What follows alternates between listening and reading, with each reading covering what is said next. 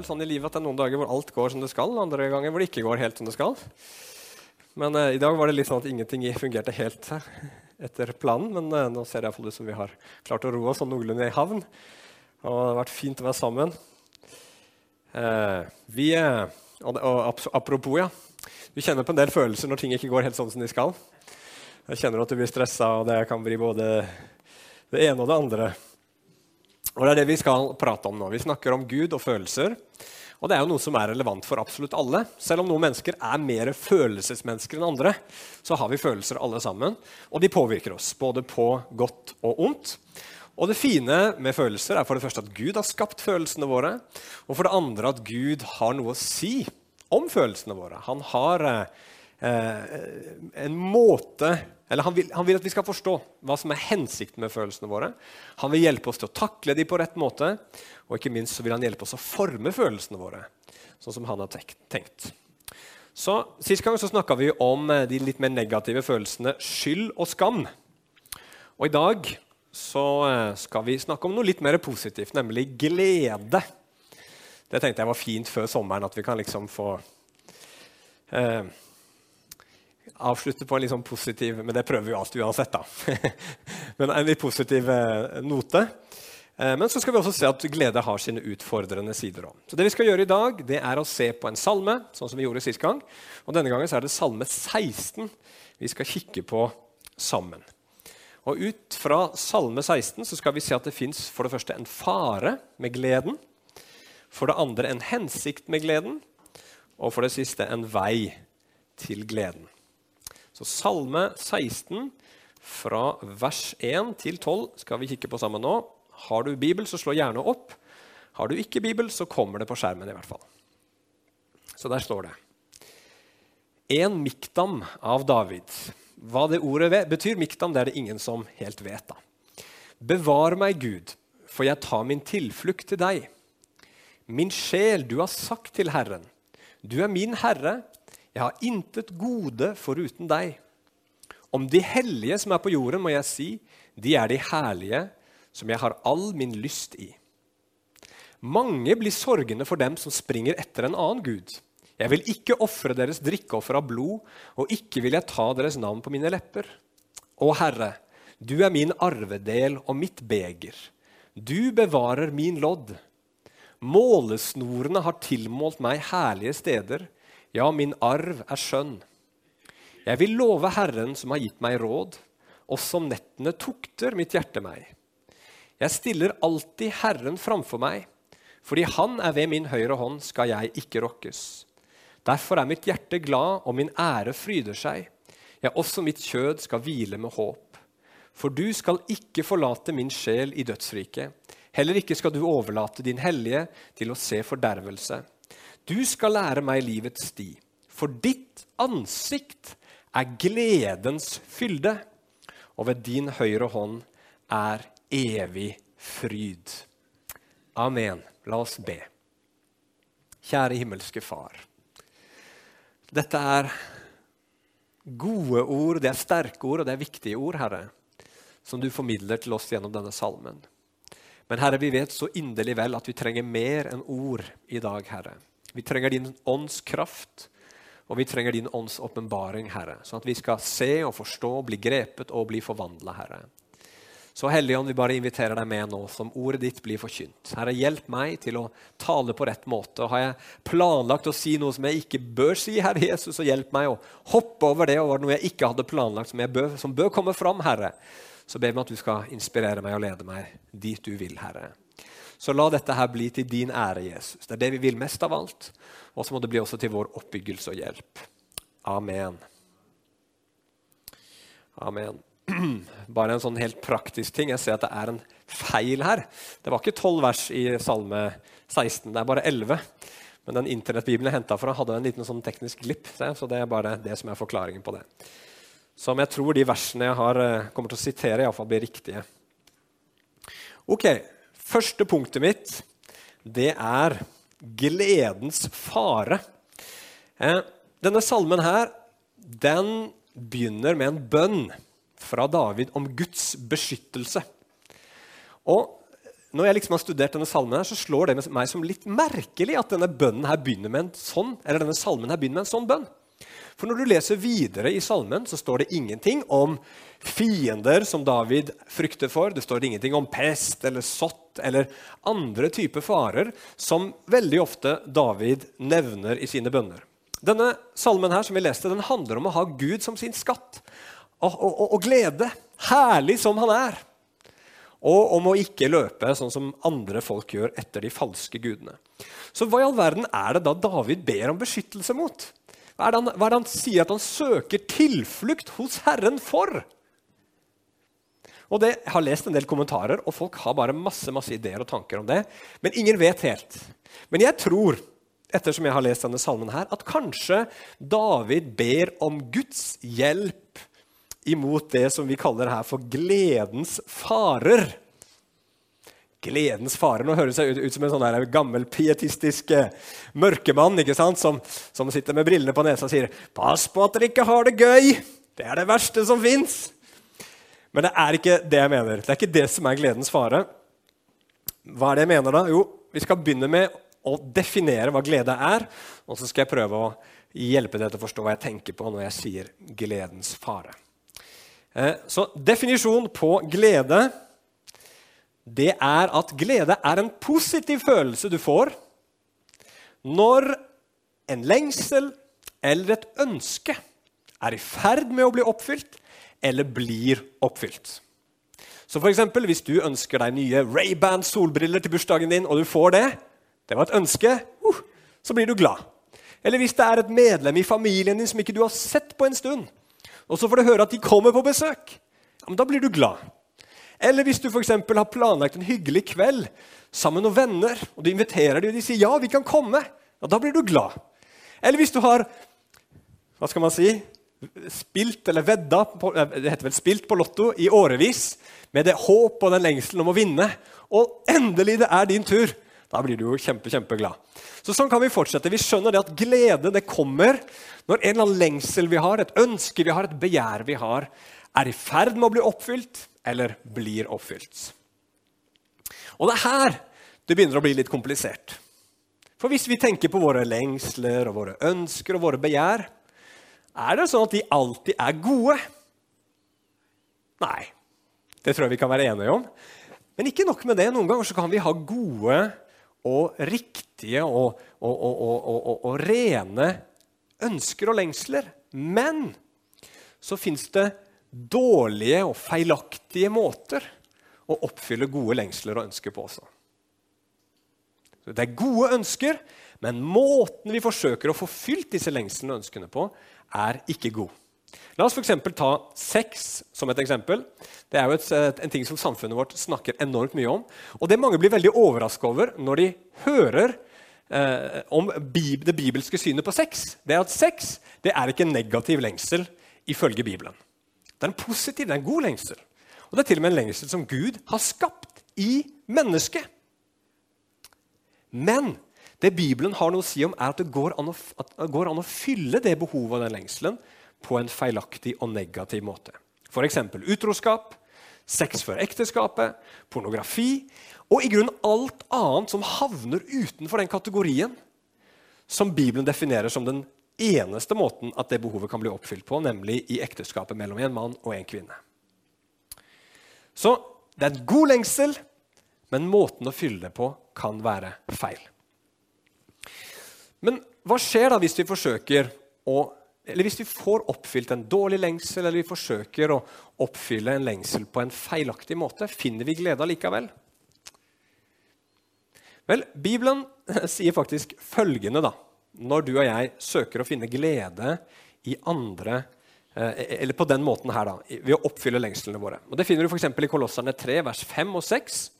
Der sier Paulus til kristne.: Overgi derfor deres jordiske legemer til døden, hor, urenhet, syndig begjær, ond lyst og grådighet, som er avgudsdyrkelse. På grunn av disse ting kommer Guds vrede over ulydighetens barn. Altså Bibelen forklarer at når du og jeg har sånne lengsler, om de er gode eller dårlige, men vi søker å oppfylle dem på feil måte, så kan du kanskje oppleve en viss glede, men til syvende og sist så vil du oppleve det som Bibelen kaller for Guds vrede. Og Det er et sånt uttrykk som, som, som, som kan bety veldig mye i Bibelen, men én ting det i hvert fall betyr, eh, og det er at den verden som Gud har skapt, den er sånn at hvis du bryter hans gode bud, så får det alltid en negativ konsekvens. Den kan komme med en gang, den kan komme på, over, sikt, eh, på, på, over tid, på sikt, men det vil alltid få negative konsekvenser. Og Hvis det er sånn at når du og jeg søker å fylle de lengslene vi har, og jager egentlig etter glede, ofte leder i negative ting, hvorfor fortsetter vi da å søke glede på den måten? Jo, for det, det er, som Paulus sier her, avgudsdyrkelse avgudsdyrkelse. Og det er det David òg prater om. Så dere det i den salmen vi nettopp leste? Jeg vil ikke springe etter gudene, sånn som de andre gjør. Og som bringer mange sorger, sier, sier David. Så det å jage etter glede kan bli avgudsdyrkelse, sier Bibelen. Og hva i all verden er avgudsdyrkelse? Det høres jo fremmed ut ikke sant? for oss som lever her i den vestlige verden. Det er veldig få mennesker i Norge som har en liten statue eh, i stua si som de bøyer seg ned for å ofre røkelse og mat for. Det er veldig få. Men i mange andre land gjør det det. Hin, eh, hinduene i India er det kanskje det mest største moderne eksempelet på det. Men de er faktisk ikke så veldig forskjellige fra oss. Hvis du sjekker litt hva hinduene tror, så har de mange guder for mange forskjellige ting. De har f.eks. en gud med et elefanthode som heter Ganesha. Og Han har jeg lært om nesten fra mine barn som har KRLE, eller, K, eller hva det heter nå, på skolen. Ganesha med elefanthode. Hvorfor ber hindu, hinduer til Ganesha? Jo, for Ganesha han er den guden som er kjent for å være en budbringer for suksess, og en gud som skal fjerne hindringer. Så hvis du vil ha suksess i livet ditt, og hvis du har noen hindringer i veien for den suksessen, ja, men da må du be til Ganesha, så skal han fikse det. Ellers er det en annen gud, apeguden Hanuman. Han er guden som gir styrke, hengivenhet, lojalitet, utholdenhet. Så hvis du trenger disse tingene, ja, men så ber du til Hanuman. Ser du hva dette her er for noe? Disse gudene Det er ikke egentlig gudene det handler om, men det er hva de kan gi. De er et middel egentlig til et mål. Og sånn er vel vi mennesker i Vesten nå, er vi ikke det? Hvorfor, hvorfor jager vi så voldsomt etter penger, f.eks.? Jo, for da kan jeg jo kjøpe bedre, finere ting, eksempel, eller jeg kan reise på mer spennende ferier. Eller jeg kan bare ha den tryggheten som det er å vite at jeg har en god, fet bankkonto i tilfelle noe skulle skje. Så jager vi etter penger, og når vi får det som vi liksom jager etter, så føler vi en viss glede. Eller hvorfor jager vi etter kjærlighet? Hvorfor jager vi etter anerkjennelse? Jo, det handler jo om at vi vil oppleve oss elska, vi vil oppleve oss verdifulle. ikke sant? Og når vi får det, når vi opplever oss elska og verdifulle, så blir vi glade. Så vi er like mye avgudsdyrkere her i Vesten som alle andre. Vi bare gjør ting direkte til avguder istedenfor å gå gjennom en sånn statue eller en guddom på noen måte. Men så sier David da i det vi leste, at den som springer etter avguder, får mange sorger. Hva mener han med det? Jeg fikk et bilde når jeg satt og forberedte meg, som jeg tenker illustrerer dette her litt. For Du har sikkert sett på TV når det er januarsalg, kanskje spesielt i USA. Ikke sant? Så er det noen som har sovet utenfor butikken sikkert flere dager i forveien fordi de skal få en TV til 50% Så ligger de der utenfor og sover. Og så er det salgsdagen, og butikken åpner klokka ni på morgenen. Og så liksom står vaktene der og så kikker de på klokka. ok, akkurat ni, Og så åpner de, og så liksom hiver de seg vekk, for der kommer den bølgen av mennesker som løper som gale for å få tak i disse TV-ene til halv pris. Og det er knuffing, og det er slagsmål, og noen blir tråkka ned. Og, og, og, og, det er alltid noen som blir skada, tror jeg, i sånne salg i visse steder, av verden. ikke sant? Men ikke nok med det. Når du da kanskje har vært så heldig at du har gått gjennom eh, he hele dette kaoset her og faktisk fått tak i den TV-en du ville ha helt uskada, får kjøpt den, bringer den hjem, så vil den jo aldri gi helt den gleden du forventa. Og så går det et år, og så er du der for du vil ha salg på den neste TV-en året etterpå. For at eh, gleden over den TV-en du fikk, varte ikke så fryktelig lenge. Og sånn er vi litt mennesker vi når vi løper etter disse avgudene. For at glede er på en måte noe vi, vi, vi, må ha. Det virker som Gud har skapt oss sånn at vi søker glede. Vi lengter etter glede. Vi håper på glede. På en eller annen måte. Og da blir vi sånne som løper, springer. Vi blir desperate til tider etter å få erfare den gleden. Og det kan føre til at vi gjør ganske dumme ting rett og slett, i jakten vår på glede. Litt sånn som de som løper inn. ikke sant? Og hvis de hadde sett seg selv på film når de løp inn der, hvor sprø de var når de står og drar liksom, om en sånn pakke og 'Den var min! Jeg så den først! Jeg tok på den først!' 'Ja, men jeg spytta på den før deg!' eller et eller annet sånt. ikke sant? De, de, det ser jo helt fjernt ut. Men sånn er vi mennesker òg. Når det plutselig er noe som blir fryktelig viktig for oss, og vi tror at hvis ikke jeg får det, så kommer jeg aldri til å bli glad, aldri til å bli lykkelig.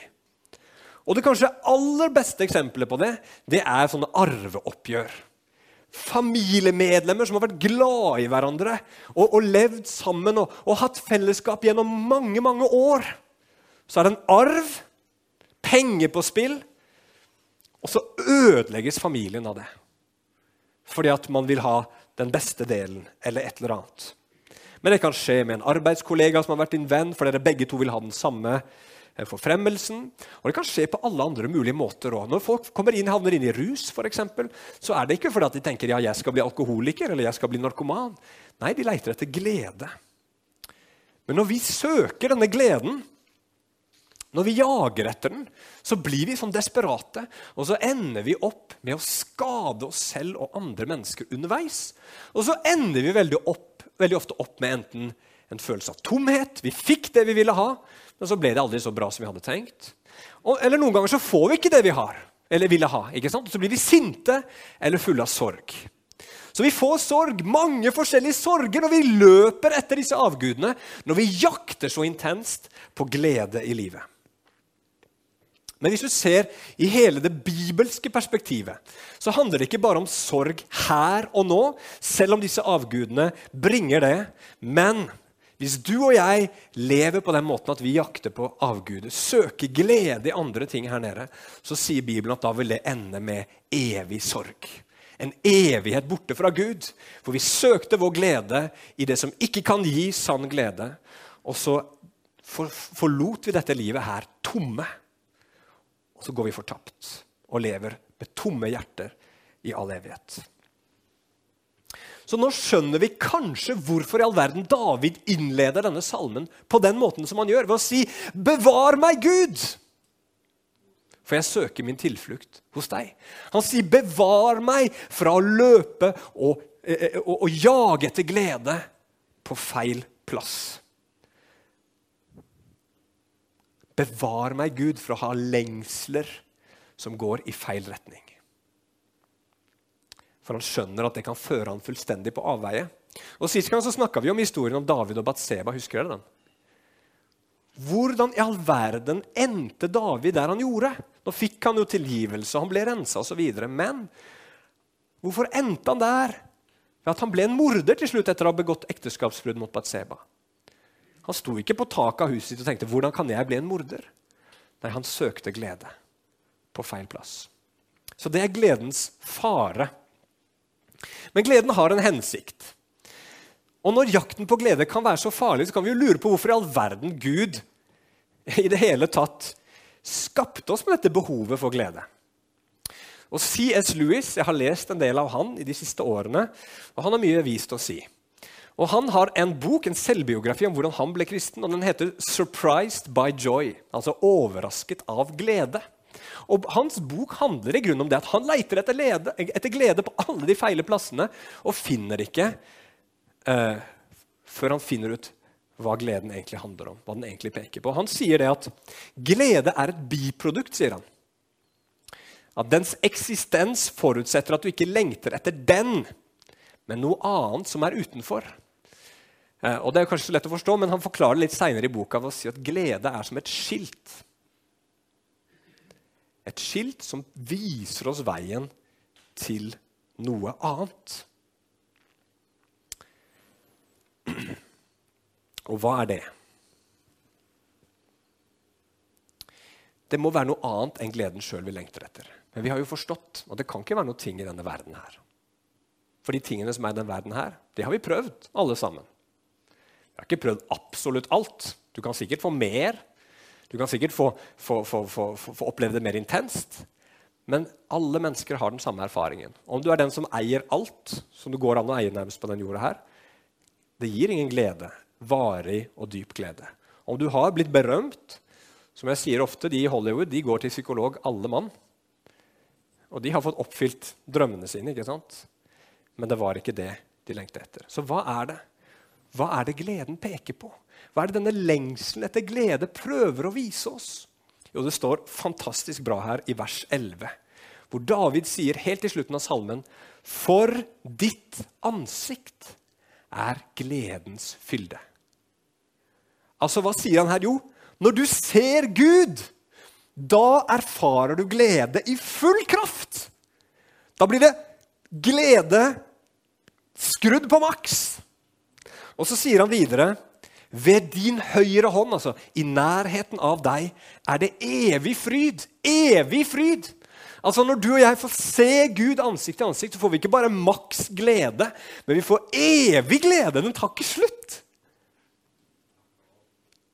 Det, det, det blir litt bra, tror jeg, da. Så dette behovet for glede som fins inni oss, det er et behov som Gud har gitt oss for å vise oss at vi trenger Gud. At det er Gud vi lengter etter. Det er Gud vi ble skapt for å kjenne og se på og tilbe. Og Mange mennesker når de tenker på det å liksom ha en religion og det å tro på Gud, så tenker de at det, Gud er bra fordi han gir leveregler. ikke sant? Han gir hjelp når livet blir vanskelig. Han gir mening. Eh, og, han gir trøst i vanskeligheter. Og alt det er sant om Gud, men på en måte så synes ja, det blir litt sånn bleik, tam framstilling av Gud. For på en måte så er Gud ren, ublandet, fullkommen og evig glede. Gud er på en måte glede. Det er han som er kilden til glede. Det er han sann glede kommer fra. Og det å få kjenne Gud det er å være kobla på gledens kilde. Og det er ganske kult, for å bruke et veldig teologisk uttrykk. Så Det som er så viktig for oss, det er at vi må forstå det her. Vi må ikke glemme å smake jevnlig på den gleden som fins hos Gud. For det er det som er beskyttelsen. Det er det som hjelper oss å ikke løpe i feil retning, ikke komme på feil vei. Det holder ikke hvis du vil leve et kristent liv og bare ha liksom regler og si nei, det skal jeg ikke gjøre, det skal jeg ikke gjøre, det skal jeg ikke gjøre. Det skal jeg ikke gjøre. Det holder ikke. Det er ikke nok. Hvorfor det? For hjertet ditt vil rope etter glede. Og når det budet sier du skal ikke gjøre det, men, men hjertet ditt sier jo, men der tror jeg det fins glede, så kommer hjertet ditt antageligvis til å vinne. Hvis ikke hjertet ditt allerede lever i gleden fra Gud. Det er det som er beskyttelsen. Det er det som er hjelpen. Og så har glede masse andre positive bivirkninger òg. Det gir oss styrke. Gleden i Herren er vår styrke. Det gir helse å være glad. Jeg tror det fins nok av eh, vitenskapelige rapporter på. Det gjør deg altså til en mer omgjengelig og hyggelig person å ha med å gjøre. Og det er også fint. Men mest av alt så er det en beskyttelse fra å fly inn i alle disse tingene som fører med seg sorg og elendighet. Og så er det en hjelp til å komme nær Han som er gledens kilde. Så Derfor sier Paulus i Filipperne 4,4.: Gled dere i Herren alltid. Og hvordan gjør vi det? Jo, Vi skal se litt på det, for David snakker om litt, litt om det her også. som vi skal ta avslutningsvis her. Veien til gleden. Og Han nevner flere ting som jeg har på lista mi her. For det første så har han et fokusert hjerte, David. Hva betyr det? Jo, han sier at han har sagt til Gud, 'Du er min herre, og jeg har intet gode foruten deg.' Han har tatt en slags bestemmelse om at Gud er viktigst for meg. Gud skal alltid være det mest verdifulle i livet mitt. Og da er spørsmålet, Har du og jeg tatt en sånn bestemmelse? Har vi liksom sagt Gud, din anerkjennelse er viktigere for meg enn at mennesker anerkjenner meg? At du elsker meg, det er viktigere for meg enn at jeg får livet mitt til sånn som jeg har tenkt og planlagt. Det å ha deg som min far Gud er viktigere for meg enn å ha et enkelt liv. Det å lyde deg, Gud, er viktigere for meg enn å følge og få mine begjær og lyster. Har du staka ut kursen i begynnelsen av ditt, liksom, ja, i ditt liv? Har du staka ut kursen og sagt 'Det er dit jeg vil'? Jeg vil være et menneske som har Gud som min største skatt. En bestemmelse å ta. Ok, Det neste han gjør, er at han snakker om viktigheten av åndelig fellesskap. Han sier i vers 3 at han har sin lyst i de hellige på jorden. Hva mener han med det? At han har sin lyst i de hellige på jorden? Jo, han sier at 'jeg prioriterer, jeg ønsker å være sammen med de andre troende'. De andre kristne, vil vi sagt i dag. Altså Han prioriterer ikke de kule eller de morsomme eller de populære, men han prioriterer de hellige. Hvorfor er det så viktig? Jo, fordi at det er sammen med, eller de menneskene du er sammen med, som påvirker lengslene i livet ditt. Hvis du er sammen med mennesker som, som lengter etter materielle ting, eller liksom snakker om ferier, eller snakker om hvor bra de gjør det på jobben, eller liksom alle mulige sånne type ting, så vekkes det lengsler i ditt liv òg. Vi blir påvirka av de greiene. Og så er det de tingene vi begynner å lengte etter og tro at der fins gleden. Å, bare jeg hadde hatt det sånn som han. Å, om jeg bare fikk det sånn som henne. Men når vi er sammen med de hellige, så skal fokuset hos oss være annerledes. For oss skal være lengselen og begjærene være retta mot Gud. Det er Han som skal være sentrum. Og der har vi sikkert litt å jobbe med, alle mann. Men det å ha fellesskap med himmelvendte mennesker det skaper de rette lengslene i livene våre. Så det er en viktig ting å prioritere. Som andre ord menighetsfellesskap kjempe, kjempeviktig. Ikke bare på søndag, men at vi har fellesskap med hverandre også gjennom uka. Eh, bønnemøter er en nydelig ting, for der, der, der, har vi liksom det for øye at vi vil søke Gud. Være sammen med Han. Og det er en enorm hjelp til å ha fokuset på rett plass. I tillegg, punkt nummer tre, David har en eksklusiv fokus. Han sier ikke bare at han skal holde seg til Gud, men han sier at han vil holde seg langt unna avgudene. 'Jeg vil ikke engang ta deres navn på mine lepper', sier han. Så viktig er det for han. Og Det blir litt sånn som når du gifter deg. ikke sant? Når du gifter deg, så sier du ikke bare ja til en person, men du sier nei til alle andre potensielle ektefeller. Det er den ene personen du har gifta med, den har du sagt ja til. Alle de andre har du sagt nei til. Og Sånn er det med Gud òg. Det er ikke sånn at du kan ha Gud pluss avguder. Har du sagt ja til Gud, så må du holde deg langt unna avgudene eh, og, og, og, disse falske måtene å søke glede på. Eh, og En måte å gjøre det på, som jeg tror David gjør her, det er å minne seg sjøl på at det bare leder til sorg og død og elendighet. Han sier at, eh, at 'jeg vil ikke drikke deres blod eh, deres, eh, noe? Drikke deres drikkeoffer av blod', sier han. Ja, men det sier at I det her ligger det urenhet og, og, død. Jeg vil ikke inn i urenhet og død med mitt liv. Jeg vil holde meg langt unna det. Og så er han fast bestemt på at han skal søke sin glede i Gud. Det neste som han også har i livet sitt, det er takknemlighet. Vers 6 det er litt vanskelig å forstå. Der sier han, og det er, flere ting som er vanskelig å forstå i den salmen her for øvrig, men målesnoren har tilmålt meg herlige steder. Ja, min arv er skjønn. Hva i all verden mener han med det? Jo, Antageligvis så snakker han om da Israel skulle inn i Kanans land. Og så fikk hver stamme sin del av landet, som var liksom oppmålt og avgrensa. Og så var det deres arv. Men så var det ett folk, eller én stamme, eh, riktigere sagt, som ikke fikk noen arv i Israel. Og De står det om i 5. Mosebok, kapittel 10 og vers 9. Det var Levi stamme. Og Der står det derfor har ikke Levi noen del eller arv sammen med sine brødre. Herren er hans arv, slik Herren din Gud sa til ham. Og David han sier det samme. Ja, han var judastammen, så de hadde liksom en del av landet. Men han sier det er ikke det som er det viktigste for meg. Det viktigste for meg, det som er rikdommen i mitt liv, det er Gud. Det er han som er arven min. Det er han som gjør at jeg er rik. Og så er han takknemlig. Og takknemlighet er en viktig ting for å være glad. Er det ikke det? Takknemlighet er noe man sier at du bør praktisere jevnlig. Og I Norge så bor vi i et land hvor vi ofte sier vi har mye å være takknemlige for. ikke sant? Og det har vi. Vi har enormt mye å være takknemlige for. Men problemet er jo at Når man lever i et land for eksempel, med god økonomi, så kan du være takknemlig for det, men plutselig så boom, kommer det en økonomisk krise. Så kan du ikke være takknemlig for det lenger. Eller du kan være takknemlig for du bor i et land hvor det er et godt helsevesen, helt til du er veldig uheldig og blir feilbehandla. Eller du kan tenke at du er glad for at du bor i et land hvor det er fred, og er takknemlig for det. Men du vet ikke hvor lenge det vil vare. Men det som er viktig hvis du virkelig skal kunne leve i takknemlighet, det er å ha din takknemlighet i noe som du ikke kan miste. Og det er å ha Gud som sin arv, sånn som David hadde det.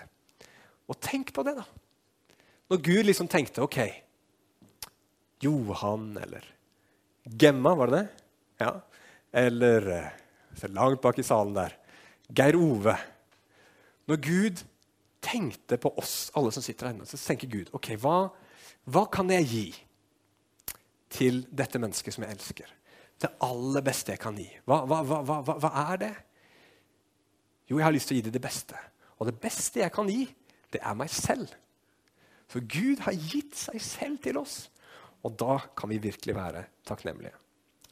Og så er også eh, David han er åpen for Guds råd og tukt. I vers 7 så sier David at han vil lytte til Guds visdom, og at han vil la Gud få tukte eller irettesette han.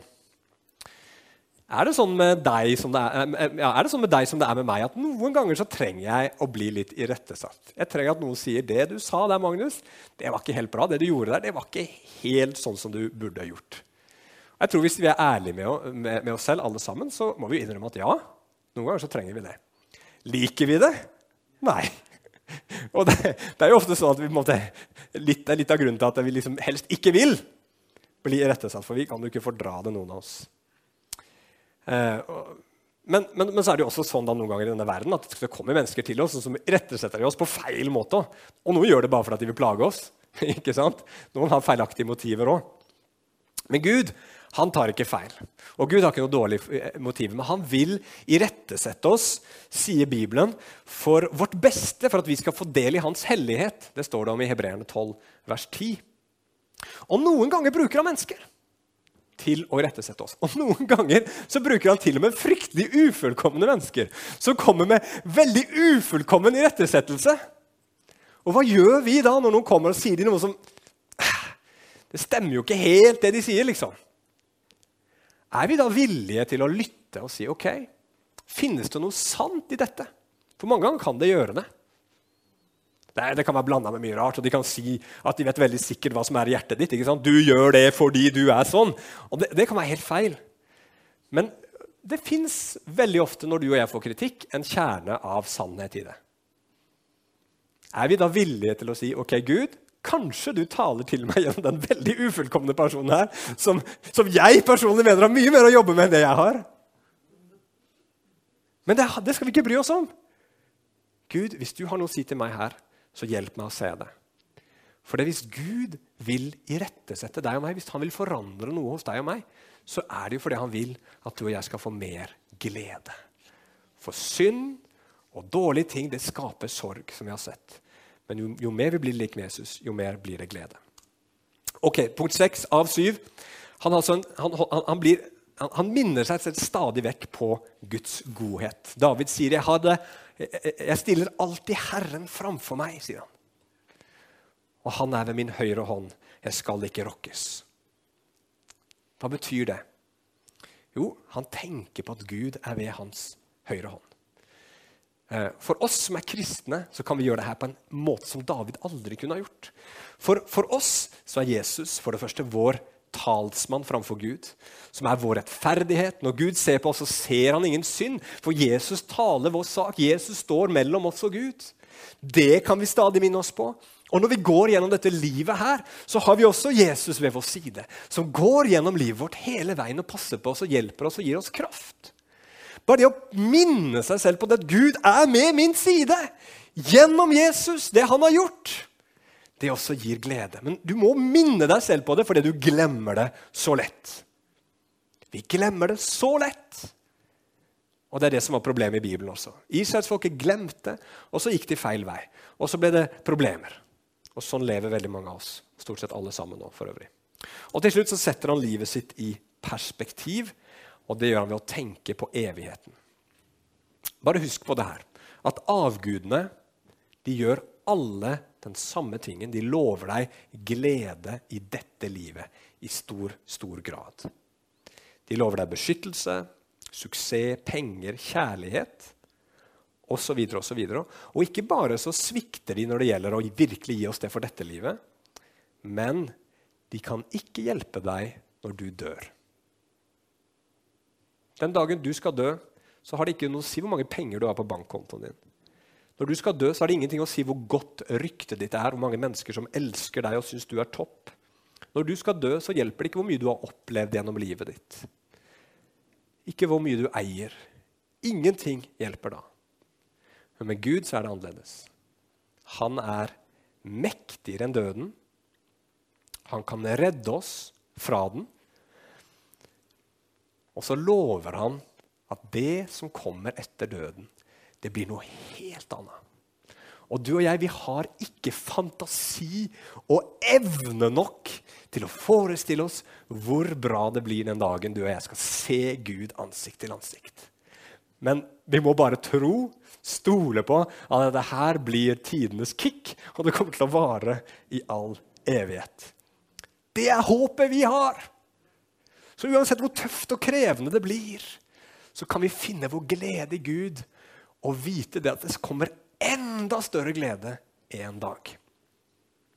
Ok, La oss avslutte her. På pinsedag så siterer faktisk Peter denne salmen her i prekenen sin. Eh, det kan du lese om i Apostlenes gjerninger 2, 25 og 28. Og så sier han denne salmen her, den handler egentlig om Jesus. Det er jo David som skriver den. ikke sant? Men David han, sier her at du skal ikke la din hellige se fordervelse. Altså, Du skal ikke la din hellige råtne. Men la, oss, la meg være helt ærlig med dere, sier han. David råtna. Han døde, hans kropp råtna. Så den da, salmen her handler egentlig ikke om David, men det handler om en helt annen, som er etterkommer av David. Og som døde, men kroppen hans råtna ikke. Han sto opp igjen. Og det at han sto opp igjen, det betyr at han kan tilgi all synd. Han kan bringe alle mennesker, uansett hva de har gjort, til Gud så at de kan erfare hva livet virkelig er. Erfare den sanne gleden. Bare de vender om fra sin synd og tror på Han. Ja, de skal til og med få Gud på innsiden ved at Den hellige ånd kommer og bor i dem. Og så står det fantastisk bra helt til slutt her i Apostlenes gjerninger 2, 41. De som tok imot Hans ord med glede, ble døpt. Med glede! Med glede. Alt det vi har snakka om nå, det å ha liksom de rette lengslene og det å ha et gledefylt eh, fellesskap med Gud, det får vi gjennom evangeliet. Og disse første kristne, de så det. De, eller de var jo ikke kristne helt ennå, de var på vei til å bli kristne. De så det, og da ble de så glad at de lot seg døpe. Og det å døpe seg det handler bl.a. om å gi hele livet sitt til Gud og si Gud, jeg gir meg selv til deg, for jeg skjønner at du er det beste som fins. Og så gjorde de det, og så ble de frelst. Og det trenger vi også å se i dag. Og Derfor så trenger vi hele veien å høre evangeliet, de gode nyhetene, så vi skjønner hvor vår lengsel bør vende seg, og hvor vi finner den sanne gleden. Amen. La oss be til slutt. Kjære himmelske Far. Her har jeg bare lyst til å takke deg. Fordi at du har gitt oss denne evnen til å føle glede. Herre, bare det er en god gave. Og Herre, takk for alle gode ting du har gitt oss i livet, Herre, som kan gi et mål av glede. Herre, det fins en glede i å være eh, med familie. Det fins en glede over god mat. Det fins en glede over sommervarme og vakker natur. Og alt det er flotte ting, Gud. Men Herre, må du bare hjelpe oss til å se at de er ikke målet. Det er ikke dit vi skal, det er ikke det vi skal jage etter, Herre. De er bare sånne fine skilt Herre, som du har satt opp for å peke på den gleden som er så mye større, så mye rikere, så mye herligere, så mye bedre. Nemlig gleden over å få lov til å kjenne deg. Halleluja. Og Herre, la oss i dag igjen få smake og se at du er god. Jeg ber om det i Jesu Kristi navn. Amen.